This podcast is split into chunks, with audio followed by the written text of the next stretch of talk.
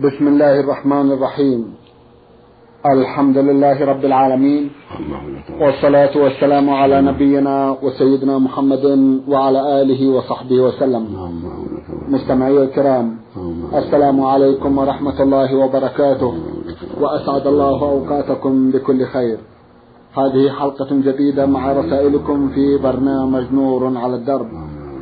رسائلكم في هذه الحلقة. نعرضها على سماحة الشيخ عبد العزيز ابن عبد الله بن باز الرئيس العام لإدارات البحوث العلمية والإفتاء والدعوة والإرشاد. مع مطلع هذه الحلقة نرحب بسماحة الشيخ ونشكر له تفضله بإجابة سادة المستمعين. فأهلا وسهلا بالشيخ عبد العزيز. حياكم الله حياكم الله.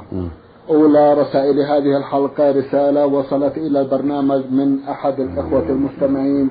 يقول الراسل يحيى الحكيم من جمهورية السودان. الأخ يحيى له سؤال طويل بعض الشيء يقول فيه لقد حدث أن طلقت زوجتي طلقة واحدة وكنت غاضبا لعدم احترامها لي ولسبها والدي وقلت لها باللفظ أنت طالق. وهذه أول مرة في حياتنا الزوجية التي لها حتى الآن خمسة عشر شهرا ولكنها اتضح بعد مراجعتها أنها كانت حائض وكنت لم أعاشرها لمدة أيام بسبب وجودها مع والدها المريض. ولقد سمعت يا سماحة الشيخ عن علماء مثل ابن تيمية وابن القيم وهم يرون أن مثل هذا الطلاق لا يقع لأنه لم يكن على كتاب الله والسنة النبوية المطهرة. ولقد سألت بعض العلماء المسلمين في السودان فأجازوا وقوع الطلاق. ولكن الآن يا سماحة الشيخ أستعين بالله ثم بكم لمعرفة رأيكم فيما فعلت بعد استعانتي بالله العزيز. جزاكم الله خيرا. وجهوني وانصحوني كيف أتصرف. وفقكم الله وتقبل منكم. سعيدة نعم. يقول. لقد حدث أن طلقت زوجتي طلقة واحدة. مم. وكنت غاضبا لعدم احترامها لي ولسبها والدي. مم. وقلت لها باللفظ أنت طالق. وهذه هي أول مرة في حياتنا الزوجية التي لها الآن خمسة عشر شهرا.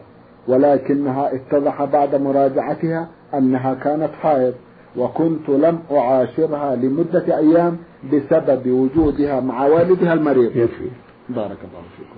بسم الله الرحمن الرحيم. الحمد لله وصلى الله وسلم على رسول الله وعلى آله وأصحابه ومن اهتدى بهدى أما بعد هذه المسألة تراجع فيها أيها السائل المفتي لديكم وفي ميراث كفاية إن شاء الله.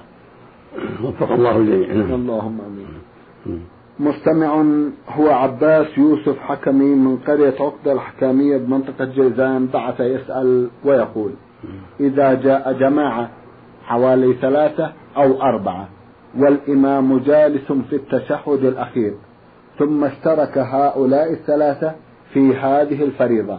وعندما سلم الإمام قام هؤلاء الجماعة وتقدم واحد منهم وأما هؤلاء وصلى بهم. نرجو منكم التوضيح. هل ما فعلوه سليم؟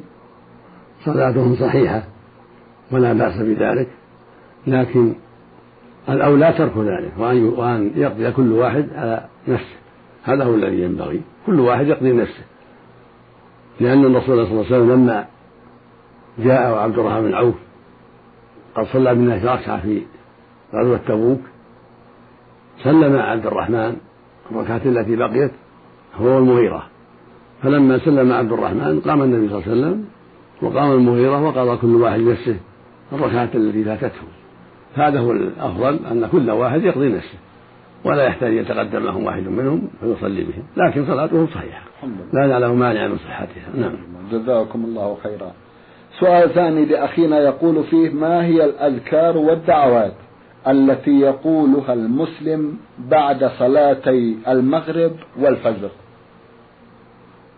السنة بعد الصلوات الخمس جميعا أن يستغفر الله ثلاثا إذا سلم. ويقول اللهم أنت السلام وبك السلام تباركت يا ذا الجلال والإكرام. جميع الإمام والمأمور والمنفرد.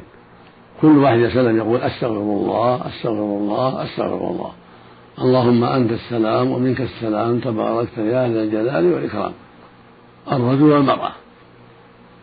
والإمام والمأموم والمنفرد. والإمام إذا فرغ من هذا ينصرف إلى الناس. الإمام إذا فرغ من هذا انصرف إلى الناس وأعطاهم وجهه وكمل الذكر. ثم يقول بعد هذا كل من الإمام والمأموم والمنفرد لا إله إلا الله وحده لا شريك له له الملك وله الحمد وهو على كل شيء قدير. لا حول ولا قوة إلا بالله. لا إله إلا الله ولا نعبد إلا إياه له النعمة وله الفضل وله الثناء الحسن لا إله إلا الله مخلصين له الدين ولو كره الكافرون. اللهم لا مانع لما أعطيت ولا معطي لما منعت ولا ينفع ذا الجد منك الجد. في جميع الصلوات الخمس الرجل والمرأة والإمام والمأموم والمنفرد. وفي المغرب والفجر يستحب الزيادة على ذلك أن يقول لا إله إلا الله وحده لا شريك له له ملك وله الحمد يحيي ويميت وهو على كل شيء عشر مرات زيادة. الرجل والمرأة والإمام والمأموم والمنفرد. في المغرب وفي الفجر.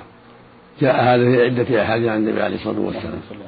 يقول لا إله إلا الله وحده لا شريك له له الملك وله الحمد يحيي ويميت وهو على كل شيء قدير. عشر مرات بعد هذا الذكر في الفجر والمغرب. ويستحب أن يقول اللهم أجرني من النار سبع مرات بعد الفجر والمغرب يعني بعد الذكر في الفجر والمغرب. روى فيها أبو داود حجان لا بأس به. فيستحب أن يقول اللهم أجرني من النار اللهم أجرني من النار اللهم سبع مرات بعد الفجر وبعد المغرب. ثم بعد ذلك في جميع الصلوات يقول كل واحد سبحان الله والحمد لله والله أكبر. ثلاث مرة. الرجل والمرأة والإمام والمأموم والمنفرد. بعد الفرائض الخمس بعد كل واحد. الظهر والعصر والمغرب والعشاء والفجر. سبحان الله والحمد لله والله أكبر ثلاثا وثلاثين مرة. الجميع تسعة والتسعون ثم يقول تمام لا إله إلا الله وحده لا شريك له له الملك وله الحمد وهو على كل شيء قدير. هذا سنة. أيضا ويستحب أن يقول بعد هذا الله لا إله إلا هو الحي القيوم. آية الكرسي. نعم. إلى قوله ولا يؤوده حفظهما وهو العلي العظيم هذا آخرها. ويستحب أيضا أن يقرأ قل هو الله أحد المعوذتين بعد كل صلاة. إلا في المغرب والفجر فيكررها ثلاثا. يكرر السورة ثلاث بعد الفجر والمغرب ثلاث مرات. هذا هو الأفضل. وكل هذا سنة. كل هذا جاء النبي عليه الصلاة والسلام. وفق الله الجميع. نعم. اللهم آمين. جزاكم الله خيرا. المستمع محمد عبد الفتاح بعث برسالة يقول فيها أنا متزوج منذ عشر سنوات وعندي ثلاثة أولاد. قلت لزوجتي عندما سافرت لا تذهبي لزيارة أهلك وإذا ذهبت أنت محرمة. وقلتها ثلاث مرات. لم أعرف معناها جيدا في ذلك الوقت. المهم في الأمر أنها ذهبت رغم ما قلت لها. أرجو إفادتي. يا سماحة الشيخ عن الحكم. جزاكم الله خيرا. هذا يختلف بحسب النية. إن كنت أردت تحريمها إذا خرجت أو طلاقها إذا خرجت فإنها تحرم إذا خرجت وعليك كفارة الظهار. إذا رغبها مؤمنة فإن عجزت تصوم شهرين متتابعين فإن عجزت تطعم ستين مسكينا. ثلاثين صاعا كل مسكين له نصف الصاع من التمر أو الأرز أو غيره من قوت البلد. نعم. أما إن كنت أردت الطلاق طلقة واحدة. إذا أردت إيقاع الطلاق بخروجها لهذا المعنى بقولك محرمة إن أردت الطلاق فالأعمال بالنيات. يقع طلقة وتراجعها تقول قد راجعت زوجتي وتشهد اثنين أفضل من إخوانك الطيبين أنك راجعتها. إذا كنت ما طلقتها قبل هذا طلقتين. أما إن كنت ما أردت الطلاق ولا التحريم إنما أردت منعها. حين قلت إن ذهبت أردت المنع فقط ولم تقصد لا تحريما ولا طلاقا.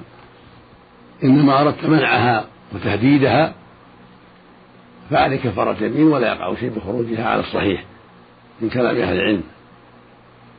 لأن هذا التعليق بهذه النية في حكم اليمين. إذا كان بنية المنع والتهديد لا بنية الطلاق ولا بنية التحريم.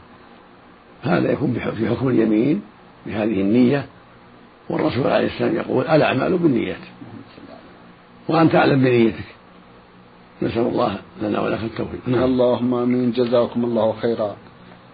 المستمع عيسى عبد النبي عبد الرحمن من جمهورية مصر العربية محافظة البحيرة بعث برسالة يقول فيها هل قراءة القرآن على الميت حلال؟ وهل الذبيحة التي يذبحها أهل الميت قبل خروجه إلى الدفن لها أجر يلحق الميت في قبره؟ نرجو الإفادة جزاكم الله خيرا. أولا التسمي بعبد النبي لا يجوز. فكون اسم أبيك عبد النبي هذا خطأ. الأسماء تكون بالله. أجمع العلماء على أنه لا يجوز التعبير لغير الله. فلا يقال عبد النبي ولا عبد الكعبة ولا عبد عمر ولكن يقال عبد الله عبد الرحمن عبد اللطيف وأشبه ذلك من أسماء الله سبحانه وتعالى. فالواجب على أبي إن كان حيا أن يغير. فيقول عبد رب النبي يغير اسمه بعبد رب النبي أو عبد الله أو عبد الرحمن يغير. إذا كان حيا أما إذا مات فالأمر مضى نعم تعيد سؤاله. لا بأس. يقول هل قراءة القرآن على الميت حلال؟ نعم. وهل الذبيحة التي يذبحها أهل الميت قبل خروجه إلى الدفن لها أجر يلحق الميت في قبره؟ أما قراءة القرآن على الميت فلا أصل لها لا يقرأ على الميت ولا عند القبر كل هذا بدعة.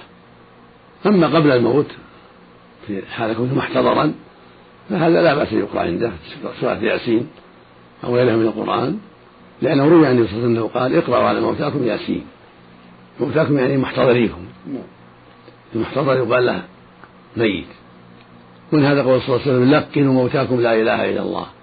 يعني من احتضر من حضره الموت يقال قل لا إله إلا الله. حتى يكون آخر كلامه لا إله إلا الله. أما كونه بعد الموت يقرأ عليه غير مشروع. كذلك عند القبر غير مشروع. فينبغي للمؤمن أن يتأدب بالاداب الشرعية ويحرص على التمسك بما شرع الله لعباده ويتواصى مع إخوانه في ذلك لأن الله جل وعلا قال والعصر إن الإنسان لفي خسر إلا الذين آمنوا وعملوا الصالحات وتواصوا بالحق وتواصوا بالصبر. وهكذا الذبح بعد الموت غير مشروع. يذبح يقيم مأتم أو يصدق بها عند الموت هذا لا دليل عليه. لكن إذا صدق عنه بعد ذلك لا عند الموت صدق عنه بدراهم صدق عنه بطعام أو ذبيحة وزعها على الفقراء. لا لا عند الموت بل في أوقات أخرى. فلا بأس بذلك لأن الصدقة تنفع الميت. نعم. أما اعتقاده أن يذبح عند الموت ذبيحة هذا لا أصل له. جزاكم الله خيرا. المستمع أحمد حسوبة بعث يسأل ويقول بلغت من العمر خمسة وأربعين عاما وذهبت إلى الحج. وقضيت المناسك كلها. هل لي حجة أم لا؟ لأني لم أتزوج بعد. ليس الزواج من شرط الحج. الحج يصح من للزوجة ومن ليس عنده زوجة. حجك إذا كنت أديت حقه حجك صحيح. ولو كنت ما تزوجت. فالزوج فالزوجة فالنكاح ليس بشرط في الحج. وليس الحج شرطا في النكاح كل منهما ليس شرطا في الآخر. يحج قبل الزواج وبعد الزواج ويتزوج قبل الحج وبعد الحج كل هذا والحمد لله واسع. نعم. جزاكم الله خيرا. مستمع بعث برسالة مطولة وضمنها جمعا من الأسئلة من بينها سؤال يقول فيه هناك بعض الناس يصلون قبل صلاة الجمعة عشر ركعات. وبعد صلاة الجمعة عشر ركعات ويقولون إنها لازمة. هل ما قالوه صحيح؟ ليس بصحيح. لا يلزم قبلها شيء ولا بعدها شيء. لا يلزم. لا قبلها ولا بعدها. لكن يستحب للمؤمن إذا جاء المسجد نعم. يوم الجمعة يصلي ما كتب الله له. قبل الإمام قبل حضور الإمام يصلي ثنتين أربع ست ثمان أكثر. يسلم من كل ثنتين لقوله صلى الله عليه وسلم في الأحاديث الصحيحة من اغتسل ثم أتى الجمعة فصلى ما قدر له ثم أنصت إلى خطب الإمام إلى آخره فلم يقدر صلاة بل قال صلى ما قدر له نعم. يصلي ما يسر الله له حين يصل المسجد ثنتين تحية المسجد أو يزيد يصلي تسليمتين ثلاث تسليمات أربع تسليمات أكثر أقل لا حرج في ذلك أقل ذلك تسليمة أقل ذلك تسليمة واحدة تحية المسجد نعم. أما أنه يلزمه شيء لا يلزمه شيء. لا عشر ولا غيرها. وهكذا بعدها لا يلزمه عشر ولا غيرها لكن يستحب له أن يصلي بعدها أربعا. هذا هذا هو الأفضل. لقوله صلى الله عليه وسلم إذا صليتم الجمعة فصلوا بعدها أربعة الآخر من كان مصليا بعد الجمعة فليصلي بعدها أربعة هذا هو الأفضل. وليس بلازم بل سنة. نعم.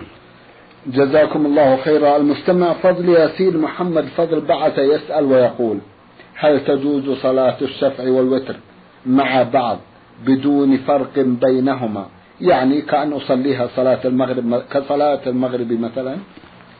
يكره أن تصلى كصلاة المغرب لأن جاء في بعض الأحاديث النهي عن ذلك. ولكن يصلي ثنتين ثم يسلم ثم يصلي ثم يصلي الوتر واحدة هذا هو الأفضل تسليمتين. يصلي ثنتين أو أكثر ثم يوتر بواحدة وإن صلى ثلاثا جميعا سردها سردا ولم يجلس إلا في آخرها فلا بأس به فعله النبي عليه الصلاة والسلام. يسرد الثلاث سردا لا يجلس في الثانية. كالمغرب لا ولكن يسرد الثلاث سردا ثم يجلس في الأخيرة ويقرأ التحيات ويصلي على النبي صلى الله عليه وسلم ثم يدعو ما يسر الله ثم يسلم. هذا لا بأس به. ولكن الأفضل أن يسلم من الثنتين ثم يقوم ويأتي بالواحدة وحدها. هذا هو الأفضل. وإن أوتر بخمس أو بسبع أو بأكثر كذلك. يسلم من كل اثنتين ثم يوتر بواحدة هكذا كان النبي يفعل عليه الصلاة والسلام في الغالب. كان يسلم من كل اثنتين ثم يوتر بواحدة. وكان في الغالب يصلي إحدى عشرة وربما صلى ثلاث عشرة عليه الصلاة والسلام. وربما صلى ثلاثا جميعا سردها سردا حتى يجلس في آخرها. وربما صلى خمسا جميعا يسردها حتى يجلس في آخرها. كل هذا لا بأس به. نعم.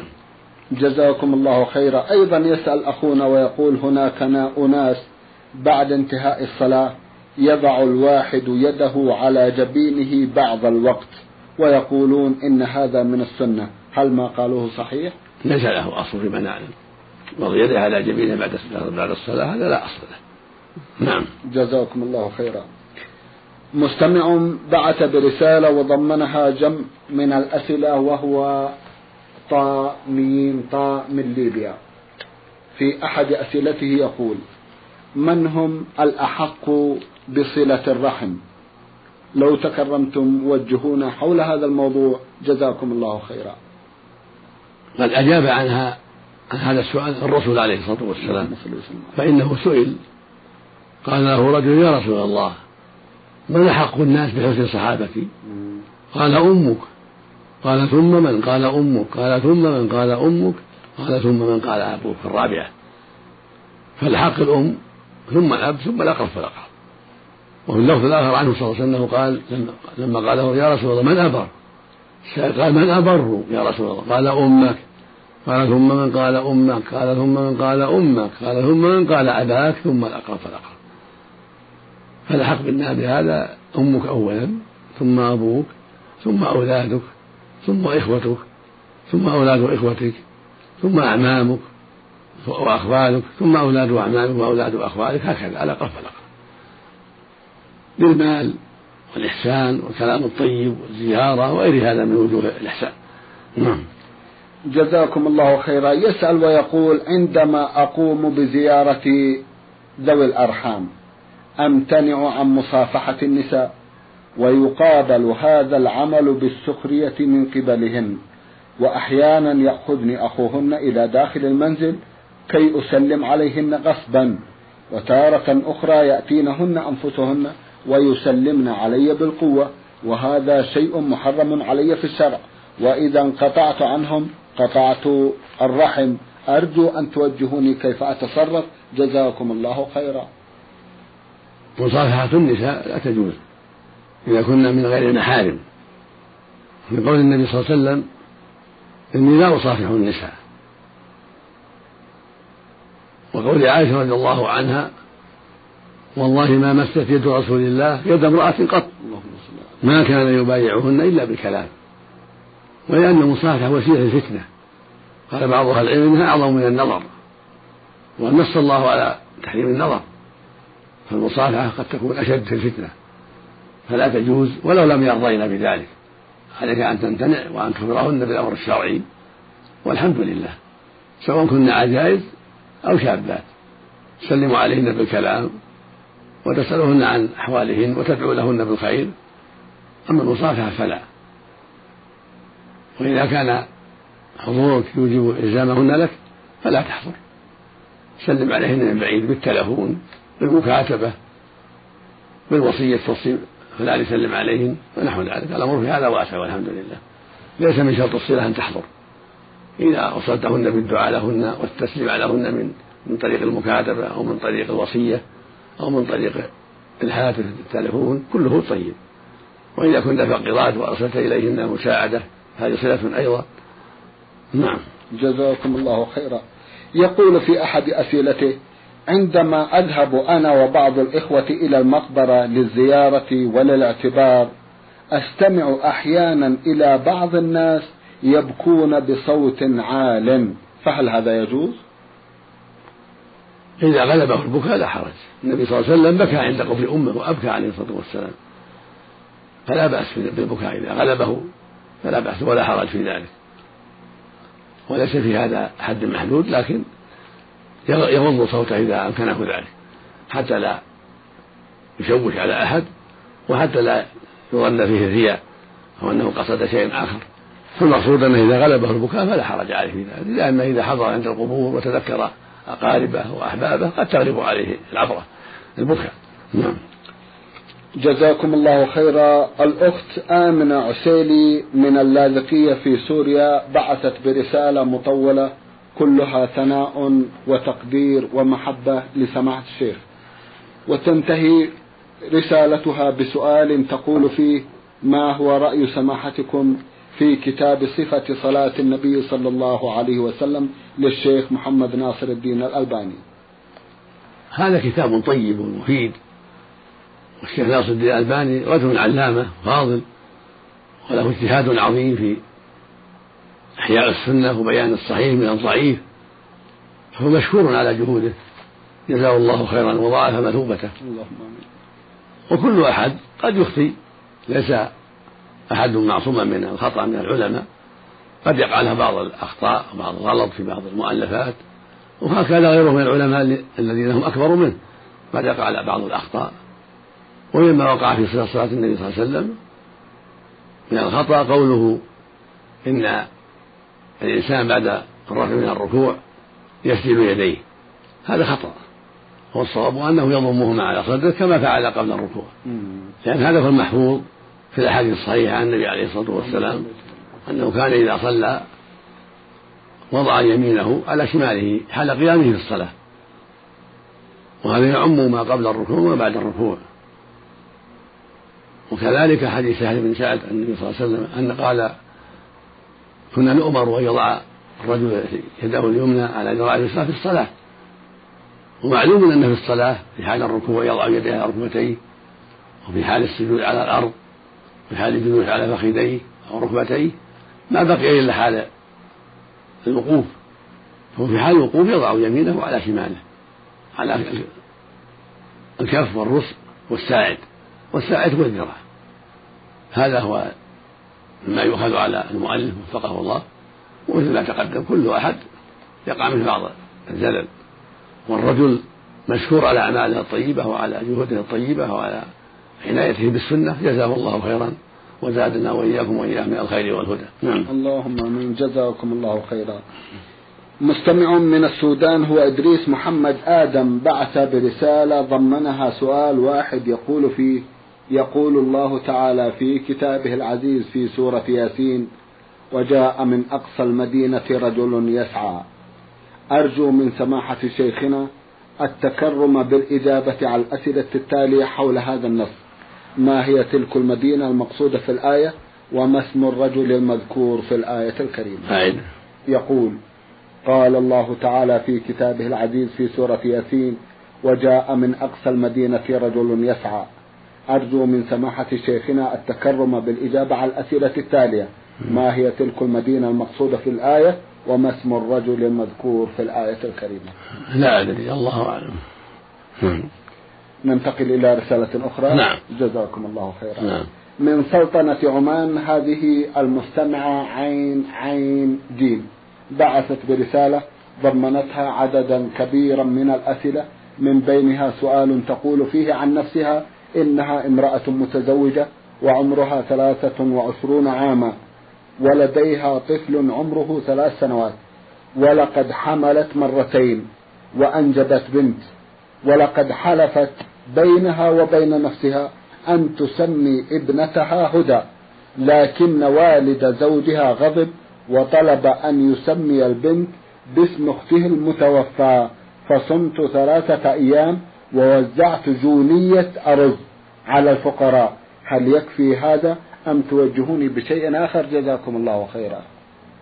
يكفي في كفارة اليمين إطعام عشرة مساكين كل مسكين له نصف الصاع. من التمر أو من الرز كيلو ونصف تقريبا. كل واحد وجنيه إذا كانت تبلغ هذا هي كافية من الرز. أما الصيام فلا يجزي إلا في حق العاجز الذي لا يستطيع الكفارة بالطعام ولا بالكسوة ولا بالعتق إذا عجز عن عن هذه الثلاث يصوم ثلاثة أيام. نعم. نعم. جزاكم الله خيرا. تسأل أختنا وتقول هل يجوز للمرأة أن تصلي في المسجد في شهر رمضان المبارك وهل لها أن تتعطر وتتبخر؟ لها أن تصلي مع الناس في المسجد مع العناية بالتستر والحجاب والبعد عن أسباب الفتنة وعدم التعطر والتبخر لأنها تسير في الطرقات فيحصل بها فتنة. والنبي صلى الله عليه وسلم نهى عن حضور الصلاة من تعطرت نهى قال من مست طيبا فلا تحضر معنا الصلاة. في اللفظ الآخر أيما امرأة أصابت بخورا فلا تشهد معنا العشاء. هكذا قال عليه الصلاة والسلام. فالمقصود أنها إذا أرادت الخروج الصلاة مع الناس ليس لها التعطر ولا التبخر.